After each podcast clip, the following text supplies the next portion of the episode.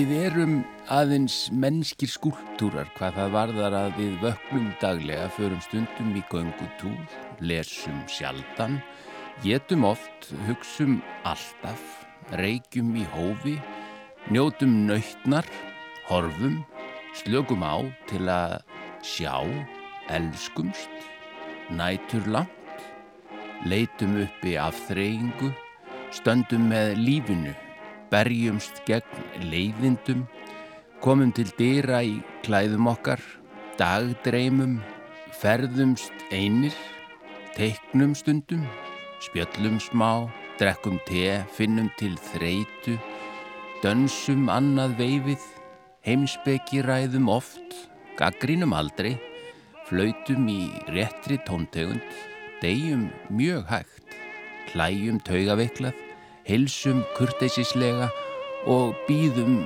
eftir dagreiningu.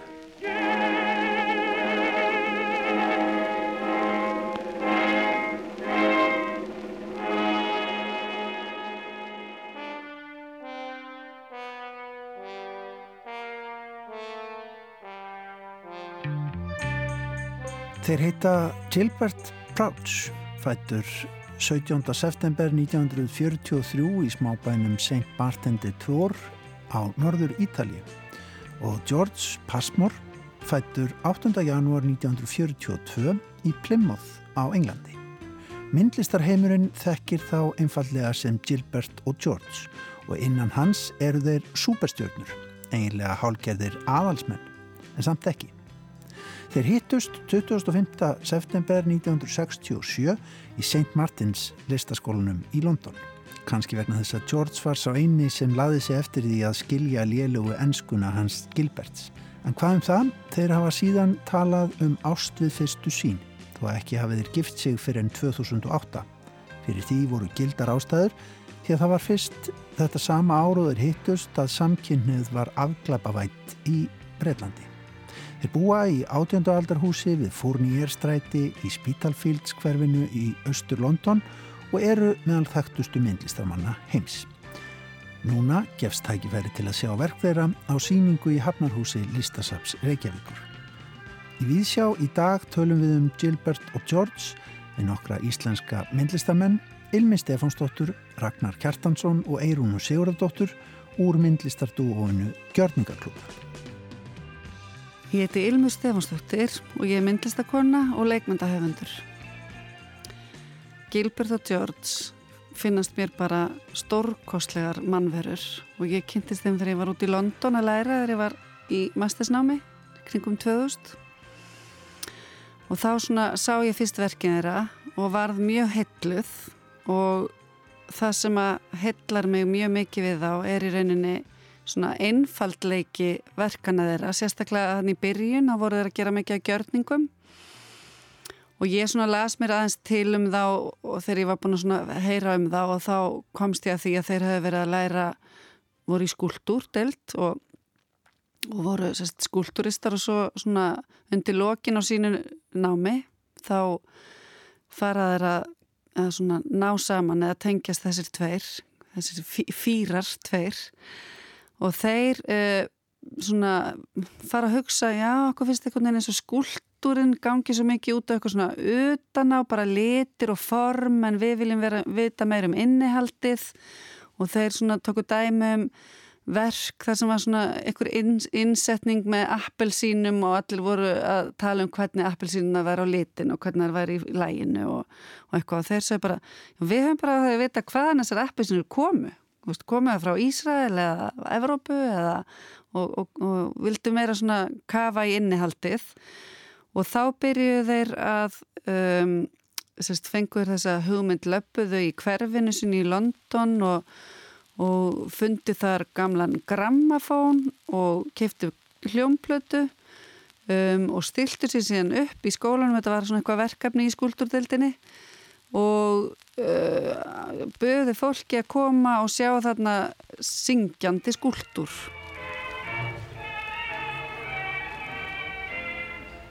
The Ritz I never sighed for, the Carlton they can keep.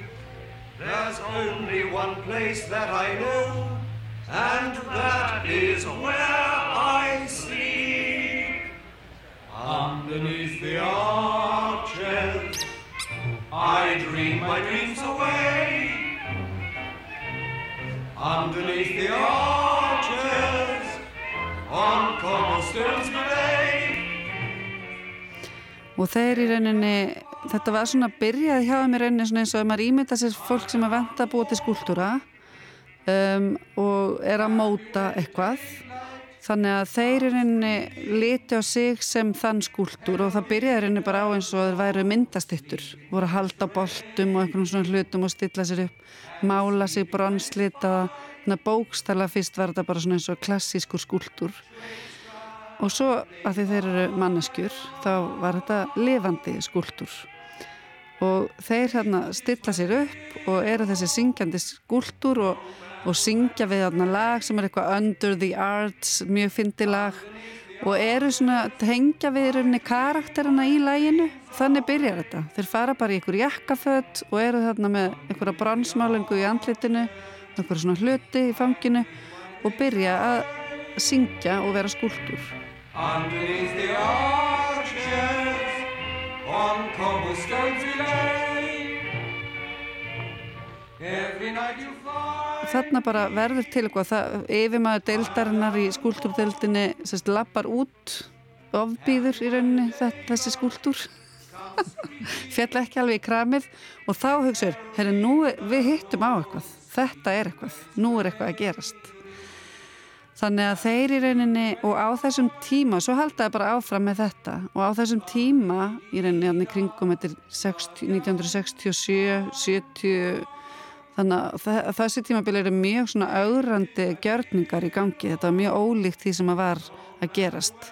Það sem að var í rauninni Chris Burden og Abramovits, Marina Abramovits voru að gera mjög augrandi gjörninga sem er voru að hætta lífi sínu og hérna rauninni svona hálf drekki sér og, og hlaupa á veggi og eitthvað svona. Þannig að þarna kem, komir inn í svona gjörningalistamenn sem var algjörlega á móti því sem að er að gerast. Það, það, er, það er meira svona punk að, að fæðast og, en þeir fara bara í svona endurskoðanda jakkafött og eru í rauninni já, fara alveg á mótu þess, þessi svona augrandi sveiflu sem er í gangi. Þannig að það er rauninni þeirra mótmæli eða þeirra augrun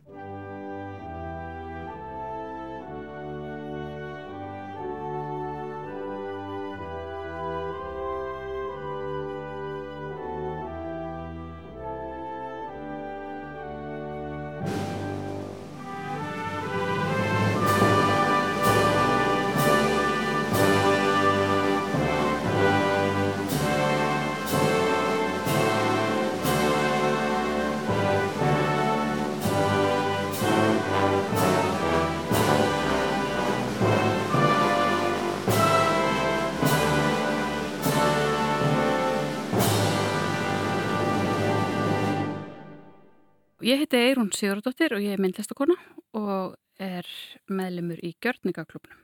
Ég, ég bara hef, fór um þetta að hugsa hva, hvenar ég hefði sko vita fyrst af þeim.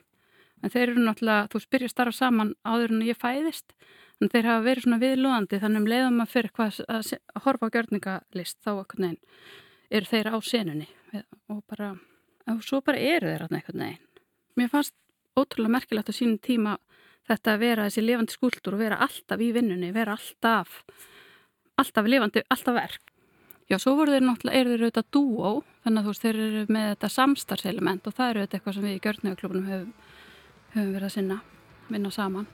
Þannig að það, þú veist, þeir eru öruglega meiri fyrirmynd og hafa öruglega haft meiri áhrif heldur maður hefur kannski beinlinnis gert sér grein fyrir. Þeir eru kannski svona eins og, þú veist, foreldrar, þú veist, sem hafa miklu meiri áhrif heldur en maður heldur.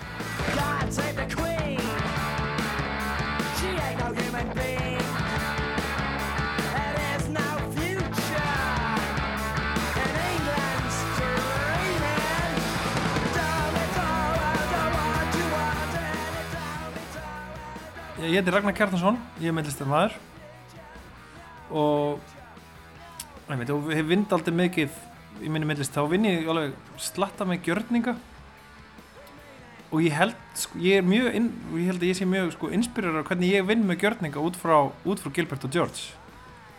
Að þeir einhvern veginn koma þú veist, ég man bara eftir að þú veist, að verða eitthvað svona algjört fan í, hérna í listaháskólanum, þá vorum ég og, og Markus Þór sem er í listafni Reykjavíkur, við vorum algjör svona vildum vera einhver, einhver konar Gilbert og George svona næstum því prófum að vera par.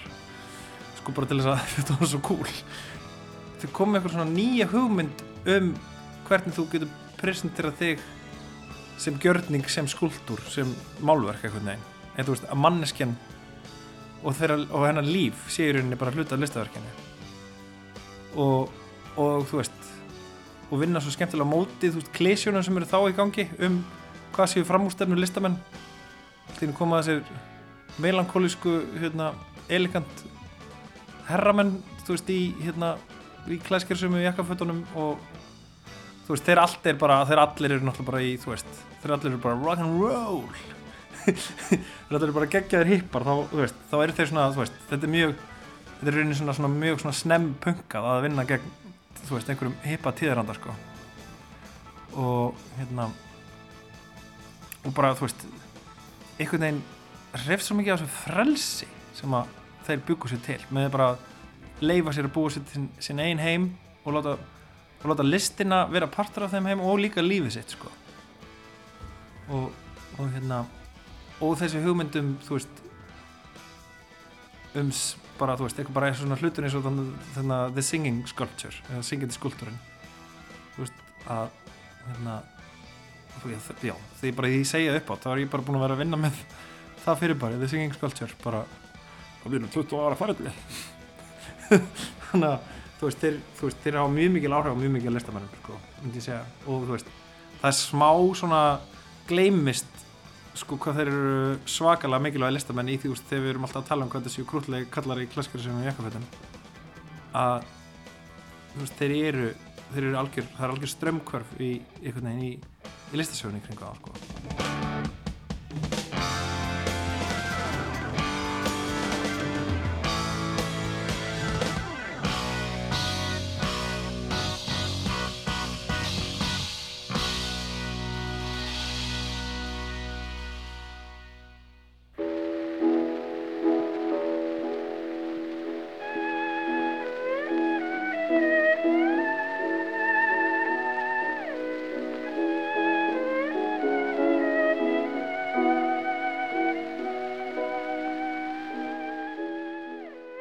Sönn list sprettur frá lífskröftunum þremur. Þeir eru höfuðið, sálin, kynferðið.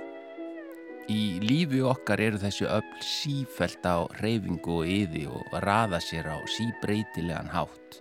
Allar myndir okkar eru frosinn byrtingarmynd einhverjar slíkrar uppröðunar. List okkar er vináttan á milli myndana og áhorfandans.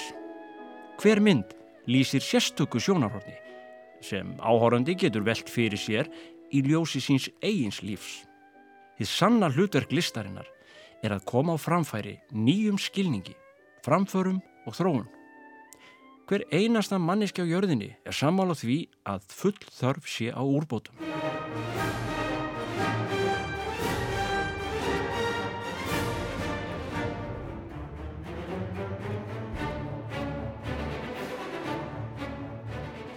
Sko, það er, í rauninni það sem er skemmtilegt við Gilbert og George er að þeir búa til alter ego, þeir búa til karaktera. Og þessir karakterar eru íhaldsamir og þeir elska drottninguna og þeir klæða sig í íhaldsaman fatnað og þeir í rauninni hegða sér eins og einhvers konar svona yfirstjættarmenn sem þeir alls ekki eru. Þeir eru bara lástjættarmenn sem áttu ekki bót fyrir borun á sér og áttu ekki einu sinni þannig neitt mikinn séns í myndlistaheiminum til að byrja með. Þannig að það, það sem er skemmtilegt við þá er að þeir skapa ímynd og maður veit ekki alveg hvar byrjar sko ímyndin og hvar enda þeir. Þannig að þetta rennur svona saman. Þannig að ég svona jú, þeir eru íhaldsamir en þeir eru að leika leikrit þannig að maður veit ekki alveg hvað af þessu er raunverulegt. Ég upplifi það er mjög sterk svona kaltæðnislega nóta í öllum þeirra tilsvörum öllum þeirra textum sem koma fram. Það er mikil ádela, það er mikil pólitík. Þannig að, jú, óneittalega eru þeir íhaldsamir en svona mér finnst þetta alltaf vera svona eins og einhvers konar mótumæli bara á annan hátt þannig að hversu hreinræktaðir þeir eru í, í sinni svona, hérna, sínum royalisma já, veit maður ekki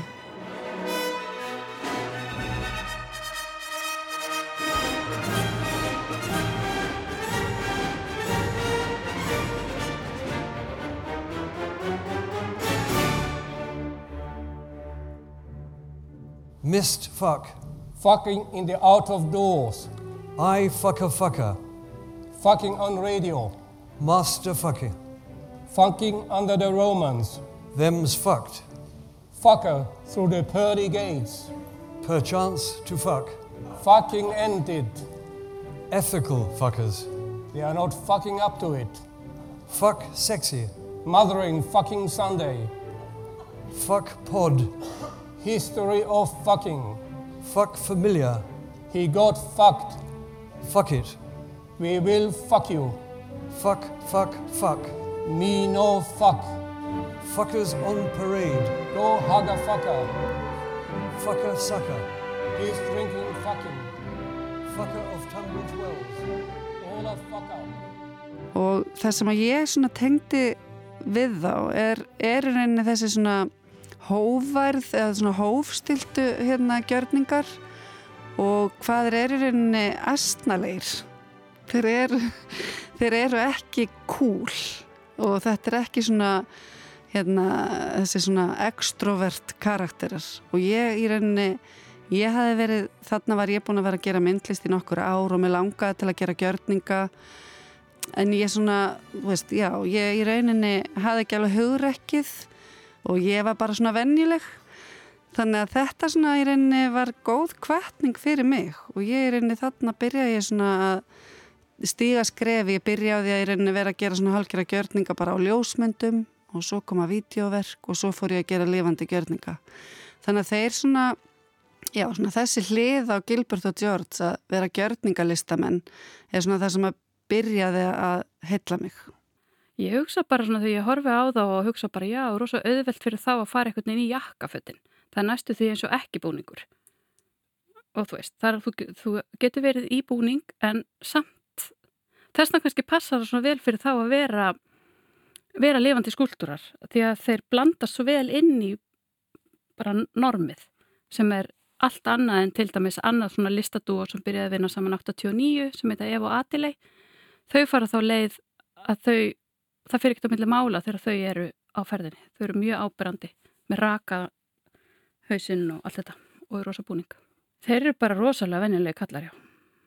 Þú veist, ég, ég er þú veist, svo ofbúslega bara hrifin af þeirra viðhorfi. Sko frekar en þú veist, frekar en sko verkunum sjálfum í rauninni. Ég er alveg rosa hrifin af gömlu verkunum. Hérna drikkju skúltúrin og, og svona. Gordon's makes us very, very drunk.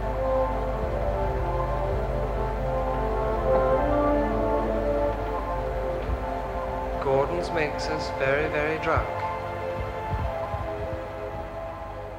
og það sem þeir eru í, í landslægi svona allt, það byrtast og svo náttúrulega bara, þú veist, koma þessi verka sem þeir eru að leika sér með þú veist, fara, fara lengur og lengri að, þú veist, að sýtir í einhverja romantík og hérna, þú veist, kirkjugluggana og svona pre-Rafael pre-Rafaelitisma og þú veist, og þau verk náttúrulega þú veist, maður sér þau í dag og finnst þau bara, já, skemmtileg þetta eru brjálaðislega þú veist, harðkjarna pólitísk verk um, þú veist, um hérna um hluti sem voru þá algjör tabú og, og bara eitthvað, Guðsílof er ekkert tabú í dag mörguleiti, nefn, þú veist, allan í lundum eins og okkar en náttúrulega er að verða tabú aftur út um allan heim Ég held að við höfum ákveðið að við værum einn listamaður þegar við vorum að klára framhaldsskóla.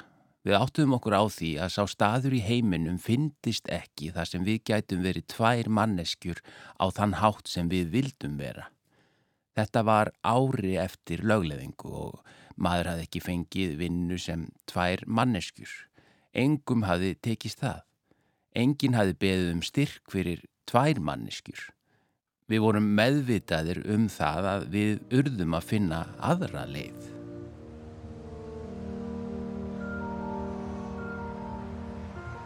Being living sculpture is our lifeblood, our destiny, our romance, our disaster, our light and life.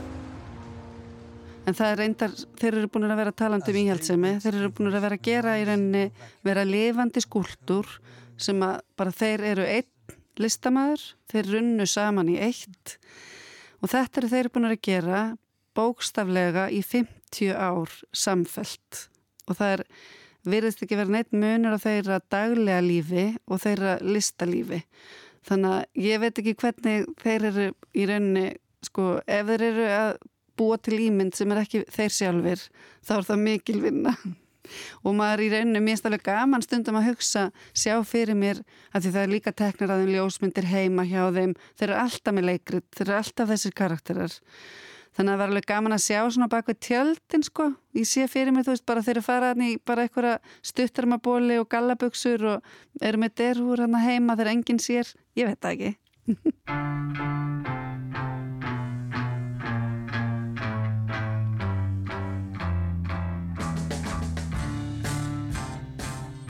Við, við keftum húsið eh, 1973 það var einskær hefni en um tíu ára skeið unnum við alla okkar list á jarðhæðinni í bakherbygginu pínu lítið herbyggi með einum vaski og úti klósetti. Það var ekkert baðherbyggi. Öll dýra listin okkar var búin til í þessu eina litla herbyrgi Þetta var mjög áhugavert. Því á þeim tíma voru fastegna eigendurnir margir fættir í Rúslandi. Engin þeirra var fættur hér. Þeir voru ekki haldnir þessari hugmyndum að maður ætti ekki að búa í verksmiðju eða að maður ætti ekki að hafa vinnustad í íbúðakverfi. Þeir hafði ekki þessa reglu sem þýtti að maður þurfti ekki að leia herbergi til að búa í og svo stúdíó til að vinna í. Maður leiði bara eitt rými og maður gætt búið þar og skapa sína list þar. Þetta var rekstur á hálfyrði. Þegar við fundum þetta hús árið 1968 bjó hústökufólk á efrihæðunum. Allar byggingar í hverfinu voru fjölsetnar, allar aðaldir stóðu opnar allan daginn því fólk bjó eða vann í herbygjónum á sinni hæð og þau voru læst, en allt annað frá efstu til neðstu hæðar var sameinlegt. Svo við leiðum eina hæð og það var alltaf sama upphæð, 16 pund á mánuði fyrir hvaða hæð sem var. Það gæti verið efsta hæðin eða svo neðsta, 16 pund á mánuði. og þetta var óviðjafnalegt. Því þetta var verksmiðja, bangladísk verksmiðja. Fólk var á stöðugum þeitingi út og inn, svo maður læsti bara herbygginu sínu. Og við vorum með tvö lítil herbyrgi á jarðhæðinni í bara, hvað var það mörg ár, George? Fimm ár? Já, og fyrir utan nokkra sérvitringa byggu þar eiginlega bara gýðingar og, og maltverjar, þetta var blanda. Og fólk frá Bangladesh, Já, Bangladesarnir komi aðeins setna, já. aðalega gýðingar, maltverjar og Bangladesar. Fyrir fimm dögum bankaði einhver á dyrnar hjá okkur frá Ástralju og sagði, ég fættist í þessu húsi.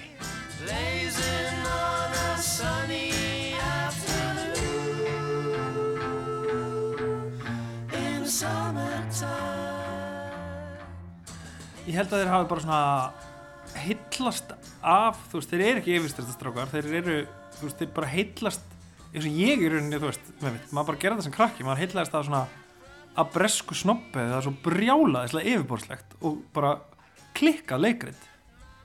Og ég held þeir bara þetta fyrst þau fundist þetta ógeðslega fyndið.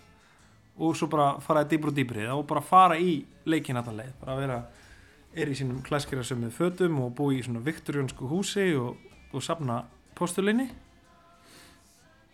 og hérna og bara einmitt allt sem þeir gera er ofbóðslega svona þrungið þessum bresku hefðum að allt þeir gera sem, sem prívat menn svona utanfrá séð en svo náttúrulega bara er veist, listin þeirra bara það er bara, þú veist, það er bara, bara rasköld og og bara, ég veit, það bara, þú veist, að horfin í raskat, raskatið og, og, og, og sjá eiliðina og sannleikan og alltaf dullafulla í lifinu, sko.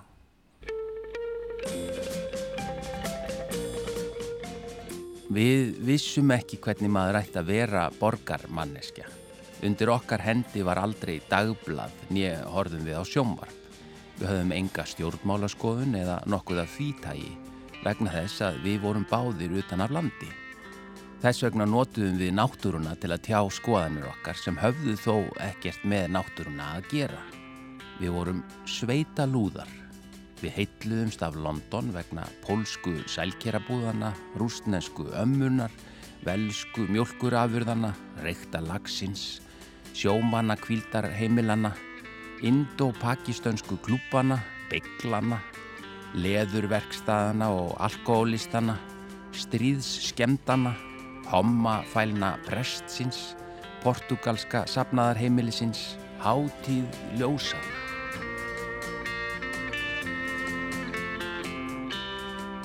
Við fundum upp okkar eigið sjónræna tungumál og erum stöðugt að endurbæta það.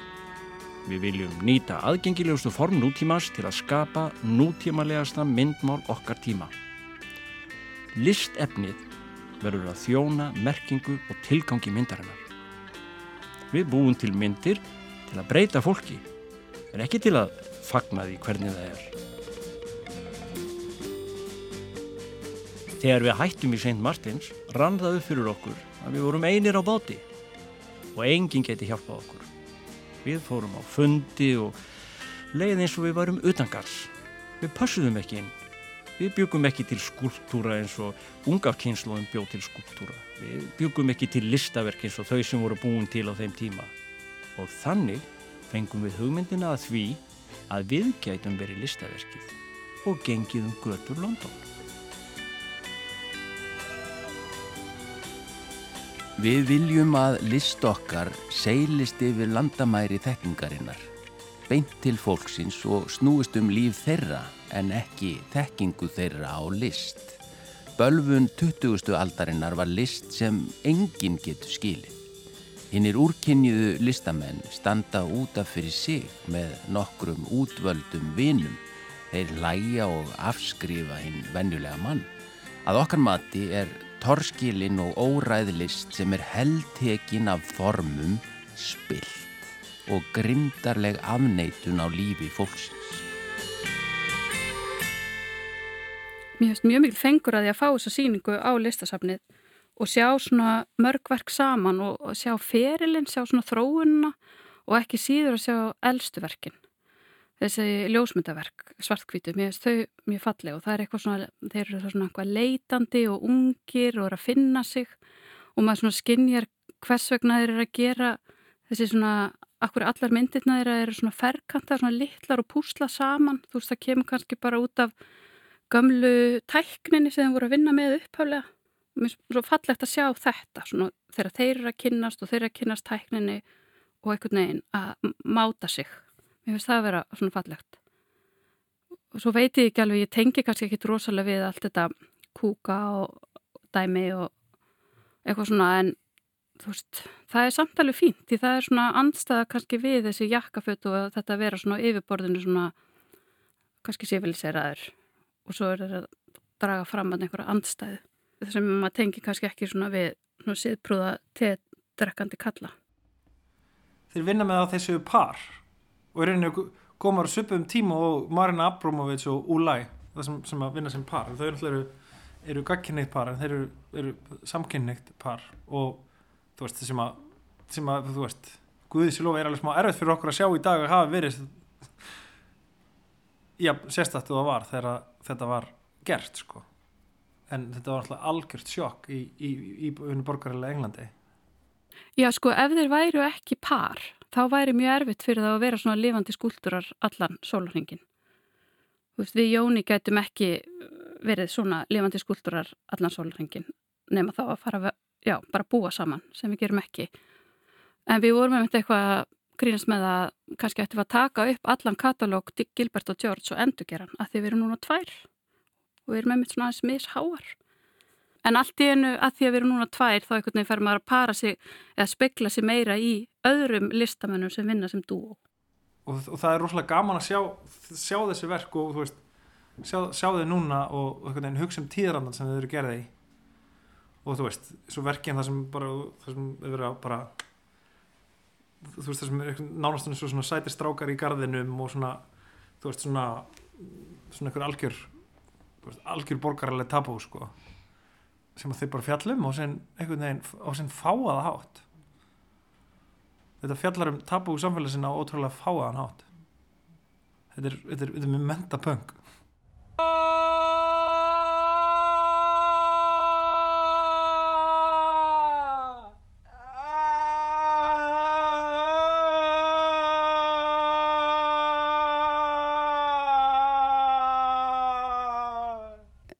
ég menna, sko, ekkur leitt upplifi ég að með því að draga fram þessa mynd að, af því að vera svona hástjættar menn að þá á sama tíma dragar fram mikla mótsögn í til dæmis að taka mikið af ljósmyndum bara fyrir utan húsið sitt og í hverfinu sínu mikið, mikið myndum að vera götustrákum múslimskum konum lituð fólki. Þeir eru í rauninni alltaf að draga fram auglýsingar í blöðum frá í rauninni samkynneðu fólki sem er að auglýsa eftir mögum og svo framvegis. Ég myndi segja þeir væri svona eins og speil á hverjum tíma. Þeir eru alltaf að taka eitthvað úr umhverfi sínu og setja það fram í ljósmyndum sem þeir gera Þannig að gera mikið af ljósmyndum þar sem eru þeir eru á myndunum og svo ímis íkon eða svona einhvers konar svona ták. Svona eins og þessi síning sem er núna í listasamni Reykjavíkur. Það er ekki tímaröð. Verkin eru öll bara þeim ægir saman frá öllum tímabilum. Og þeir hafa líka talað um að þeir vilja gera myndlist fyrir almenning. Þeir vilja gera myndlist sem er auðvelt að hérna, sjá og lesa í. Þannig að þeir eru ekki endilega alltaf með mjög skýr skilabóðum nákvæmlega hvaða pólitík þeir eru að bóða. Þeir setja það svolítið í hendunar á okkur að lesa hvað við lesum úr þessu. Það sem kannski, það sem ég upplifið svona stærstu pólitíkina í þeirra verkum er í rauninni samkynneðra sem að var tapu á sínum tíma og er í rauninni bara ferðalag sem þeir eru búin að fara í gegnum.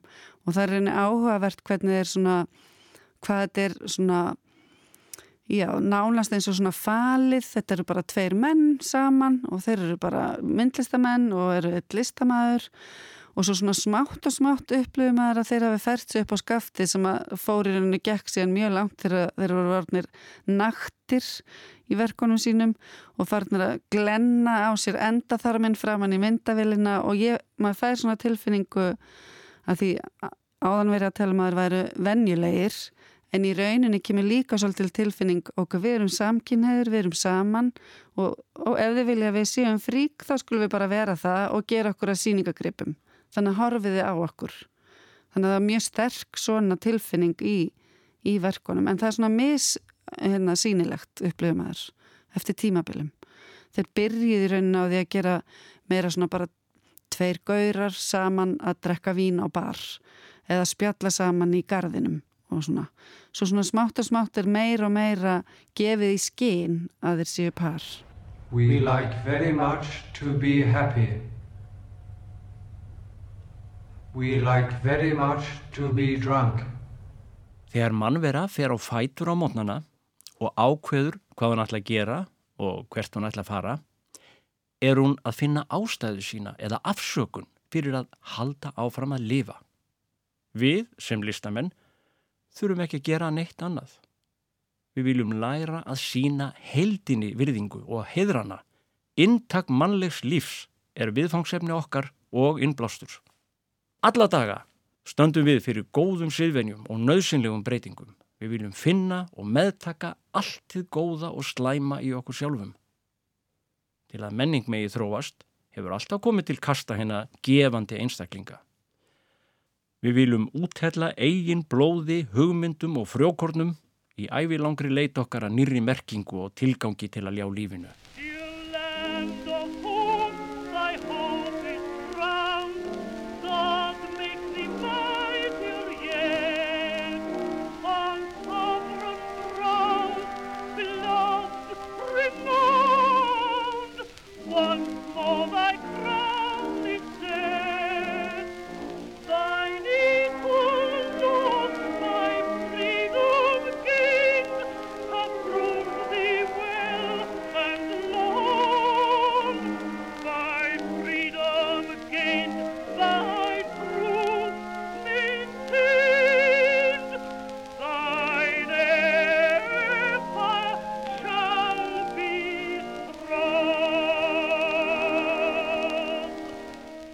Þegar við vorum að reyna að selja okkur í upphafinu þá urðum við að fara í jakkafötun okkar. Þa, það er bara vegna þess að við vorum af lástjætt, ekki miðstjætt. Því miðstjættafólk he- hefði farið í gallabuxuna sínar og sandalanna eins og hefðbundnir listamenn.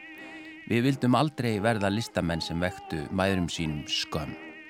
Við vildum enga álappa á sjónu. Við vorum að reyna að selja okkur sjálfa inn í galeríin. Svo við fórum í jakkafötin til að vera Allt lástjættafólk klæðist jakkafötum þegar það fyrir starfsviðtal eða brúðkaup eða jarðaför. Svo með þann bakgrunn þá hegðum við okkur eftir því. og síðan var þetta eins konar einkennisbúningur. Já, ein einfaldleiki. Einfallleiki, ef maður þarf aldrei að skipta um fött, þarf maður ekki að hugsa. En jafnvel strax og við gerðum singing sculpture vorum við komnir í jakkafötin, eins og gamaldags manneskjur. En jakkafötin fóru inn og út úr tísku öllum stundum. í því hvernig þeir eru klættir og koma fram þá, þá, þá já, þetta er bara svona og, þetta er eins og komposisjón á verki veist, með því að vera svona þá komast þeir upp með það og gera þeir rauninni dýbra heldur en sko þú veist, heldur en þú veist, þeir sem eru svona hippar á þeirra, þeirra tíma sko, þú veist, þetta verður sko ádeilan á samfélagi verður einhvern veginn dýbri að þeir bara, að þeir þeir presentera sig sem svo algjörum hluta af þessu. Og, og rauninlega þegar maður er að tala um það þetta er ekki, þetta er ekki ólíkt sko þetta er á sama tíma, þetta er ekki ólíkt er kraftverk.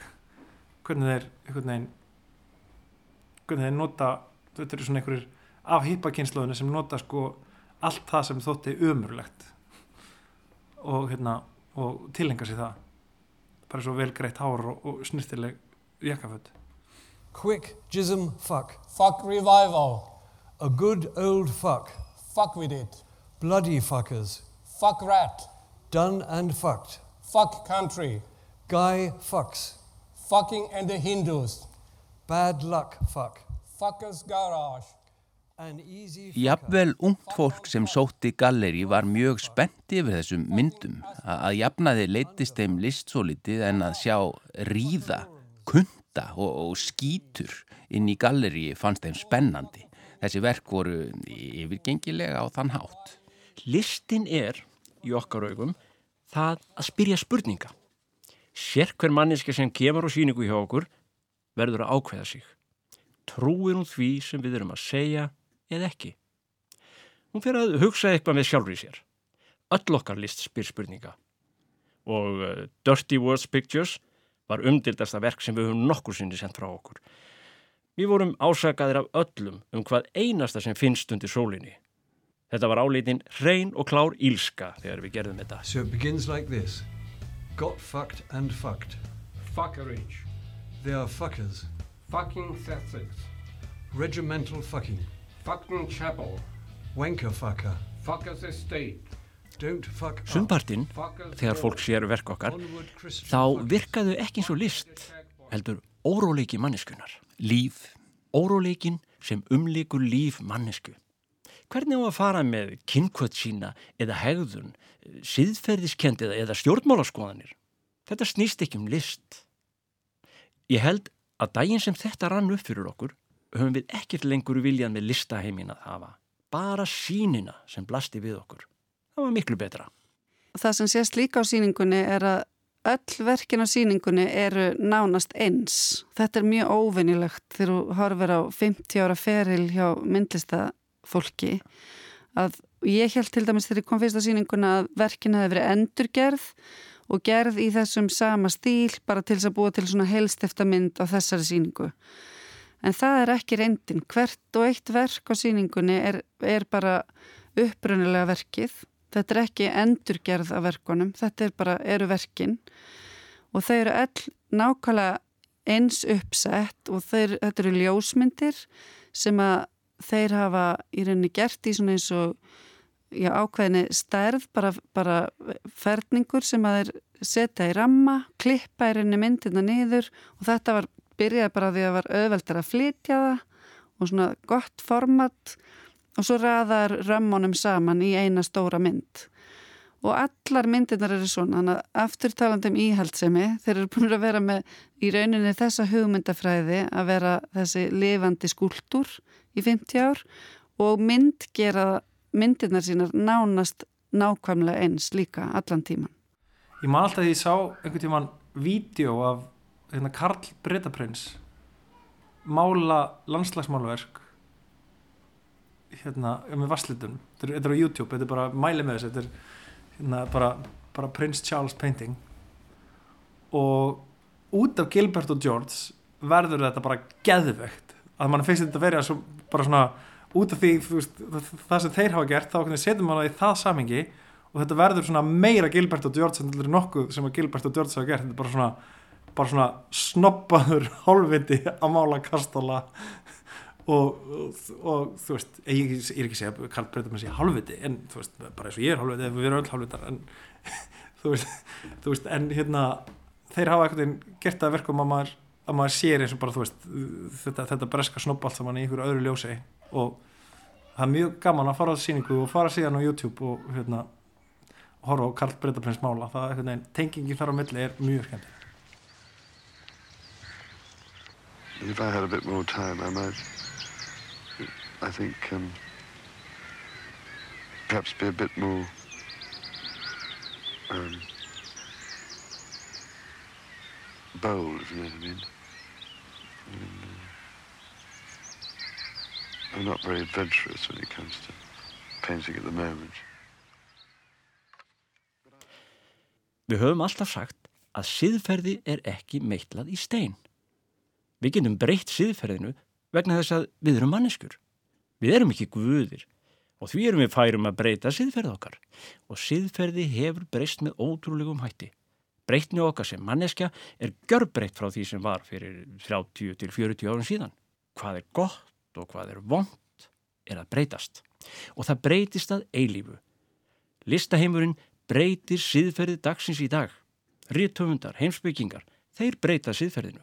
Hvernig á að haga sér, hvernig á að vera manneskja byggist á því. Það fer engin úlingur niður á lauruglustöð til að leita ráða um hvernig á að haga sér og engin heimsækir prestin til að spyrja hvernig eigi að haga sér.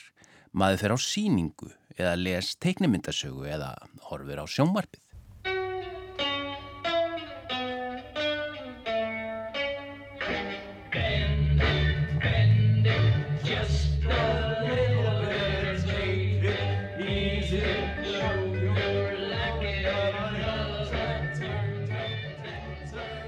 Þeir heldu áfram, byrjuði að gera þennan, syngjandi skúltúr, svo gerðu þeir til dæmis dansandi skúltúr og gerðu frábært vídeoverk sem er hægt að horfa á YouTube sem heitir Bandit og ég mæli eindreið með því. Það, er, það eru nokkrar útgáður af því en þar sem þeir eru með svona hvítan bakgrunn, það er stórkostlegt. Þeir bara spila þetta lag og eru svo miklir auðlar að dansa við þetta lag. Það er dásamlegt.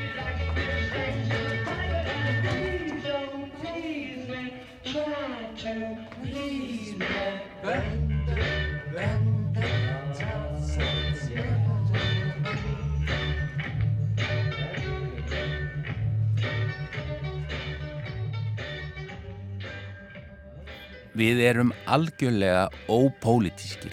Við erum íhaldsamir. Ég held að við nefnum íhaldsemina með litlu íi þegar við erum okkur samkvæmir.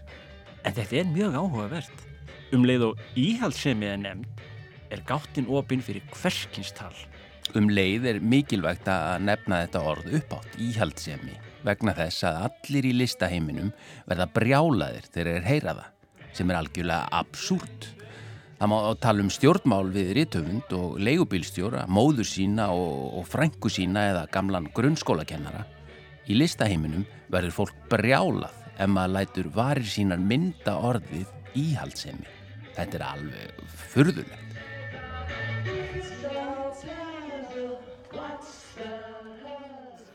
og svo hafa þeir líka kommentað á það að listheimur séu allt á vinstri sinnaður þannig að þá, þú veist þá er þetta örgulega bara mjög meðvituð ákverð þannig að ætla þá að vera me meira konservatífur og hægra megin en þú veist, kannski er það bara þa þannig sem þeir upplifa heiminn en já, og svo eru þeir náttúrulega ít, íta við sumum hlutum þeir væri náttúrulega rosalega flatur og leiðilegir ef þeir væri bara ekkert augrandi en fyrir suma er kannski nógu að þeir séu samkynneðir að það sé nógu mikið uppbrot, ég veit það ekki. En svo er maður nú líka reyna að horfa bara á verkin sem verk. Þeir byrja á því að gera svona ofbáslega einfaldar ljósmyndir sem er hengja upp með svona svolítið eins og maður sé í einhverju, einhverju svona ódýru galleríi. Það er svona bara myndirnar hanga of þétt saman og of margar á einum fleti en samt svona bílamillið þeirra. Og þeir eru þar á þessum ljósmyndum bara eitthvað svona eiginlega djamma. Þeir fengu smá pening að þeir hafi eh, fengið eh, verkefni og fyrstu myndirnar voru, voru svoleiðis og þær voru allar svartkvítar. Svo í rauninni byrjaði svona bæta inn meira af einhvers konar táknum og fara að bæta við litum. Byrjaði að setja rauðan lit og svo byrjaði að koma gulur og svo bætast fleiri litir við og þetta er svona tímum þar sem það er ennþá bara að vinna með gömlu ljósmyndirnar og þeir eru bara bókstælega að mála, taka ljósmyndir, framkvæmlegar og mála þær. Og svo smátt og smátt byrja að bætast við fleiri litir og þeir gera verk um, þar sem þeir hætta að nota sagt, ljósmyndir og fara að teikna. Það er svona tímabilhjöfum þar sem þeir fara að gera svona kúkur að koma át úr rassi og þú veist, svolítið gróft og grótesk svona brundur og ýmislegt svona sem að, sem að hérna, þeir fara að vinna með. Þetta hafa ekki verið þeirra vinsalastu verk. Þannig að þeir í rauninni hafa haldið áfram að vinna meira með ljósmyndirnar og svo hafa þeir í rauninni farið meira út í stafræna tækni núna eftir að hún í rauninni kom upp á sjónasvið og bara tilengað sér þær aðferðir. En þeir í rauninni hafa mikið notað sagt, sig og ímistákn. Það er, er breski fánin mjög mikið þeir saumu jakkaföt á sig úr breska fánanum til dæmis mikið af trúarlegum táknum en bæði kristið og í rauninni fleiri trúabröð sem blanda saman og, og svona er þetta að lesa endalust úr verkonum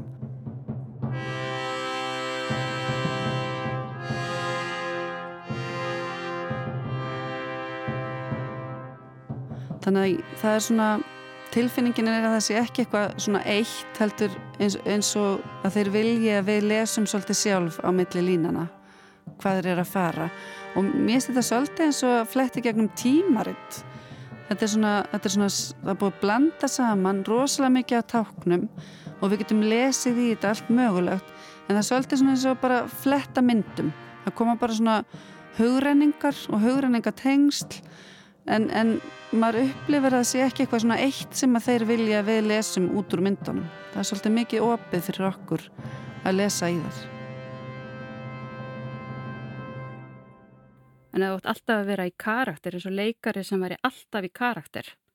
En hann yrði þá bara smám saman sá karakter. Ég held að sé að, sko, ég held að það sé bara mjög þreytandi nema það þetta sé bara mjög mikið þú. Þú veist, nema þetta sé bara nokkurt veginn það sem þú ert. Já, ég allavega öfunda það ekki af þessu hlutverki sem þeir eru komnir í. Það er engin leið tilbaka fyrir þess að tvo kalla. bara, æ, ég nenni ekki lengur að vera Gilbert og George eða eitthvað svona, en auðvitað geta þeir gert það, geta þeir líka hægt saman og gert eitthvað allt annað og farið í önnu född. Þannig að það er svo sem alveg allt, allt hægt, en ég hugsa þessir tveir, þetta er bara commitment for life, sko, sem þeir eru í. Mér finnst skemmtilegt að, að velta fyrir mér hvernig þeir setja sig fram. Þeir, svona, þeir hafa svolítið verið að leita þar. Er þetta leikrit, er þetta leikþáttur, er þetta eðlilegt, er þetta eitthvað skrítið. Veist, þannig að stundum hafa gengið svolítið langt í að sviðsetja og svo svona stittra. Þeir, þeir verðast vera svona, svona skrítnum stellingum, reka út úr sér tunguna og, og gapa og, og eitthvað svona. En það er svona þetta er ákveðin svona mörgum að því að vera rosalega hverstagslegt eða svona eins og eitthvað svona um, skrítin af í fermingavestlu sem ákveður að gera eitthvað undalegt atriði.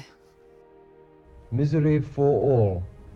Here the struggled, punished nature masks the hands of man's 300 years of crude loving, desperate commerce. Death life, no youth. Death life, no friends, no feeling for our order. The only human being trees are close to us in moving leaves and ways.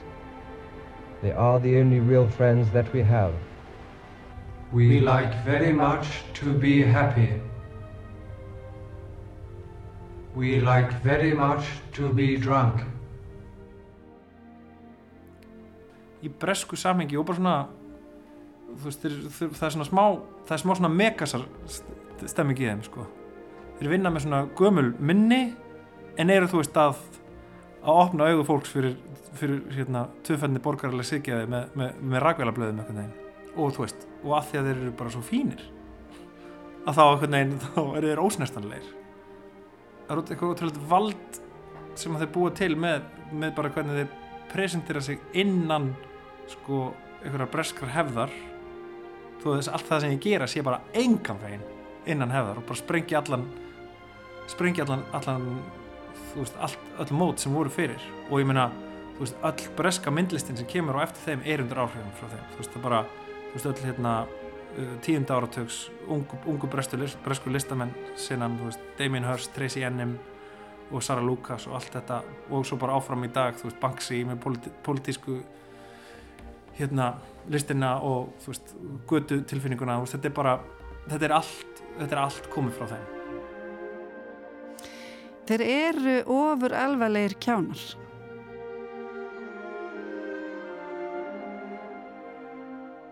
Jú, það er algjör þakkarskuld listamanna í þeirra garð þegar þeir svona ruddu ruddu brautina fyrir eitthvað svona eitthvað eitthvað, eitthvað nýtt viðþorf og leikleði í, í myndlist sem að, sem að þeir sem koma eftir hafa, sko, hafa lifað á og ég, er algjörlega ég sem myndist að vera algjört gott dæmi um eitthvað sem sko má vera að gera það sem ég er að gera sem veist, samkvæmt haustum á mér út af því þeir fordæmi sem þeir gáðu að einhvern veginn mér finnst ofbúslega gaman að vinna með eitthvað svona borgarlega vestræna hluti og sjá einhvern veginn alla geðvíkinn og myrkri á þess að þurfað þurfa einu svona sína og þú veist það er eitthvað svona sem maður hérna, fær frá þeim.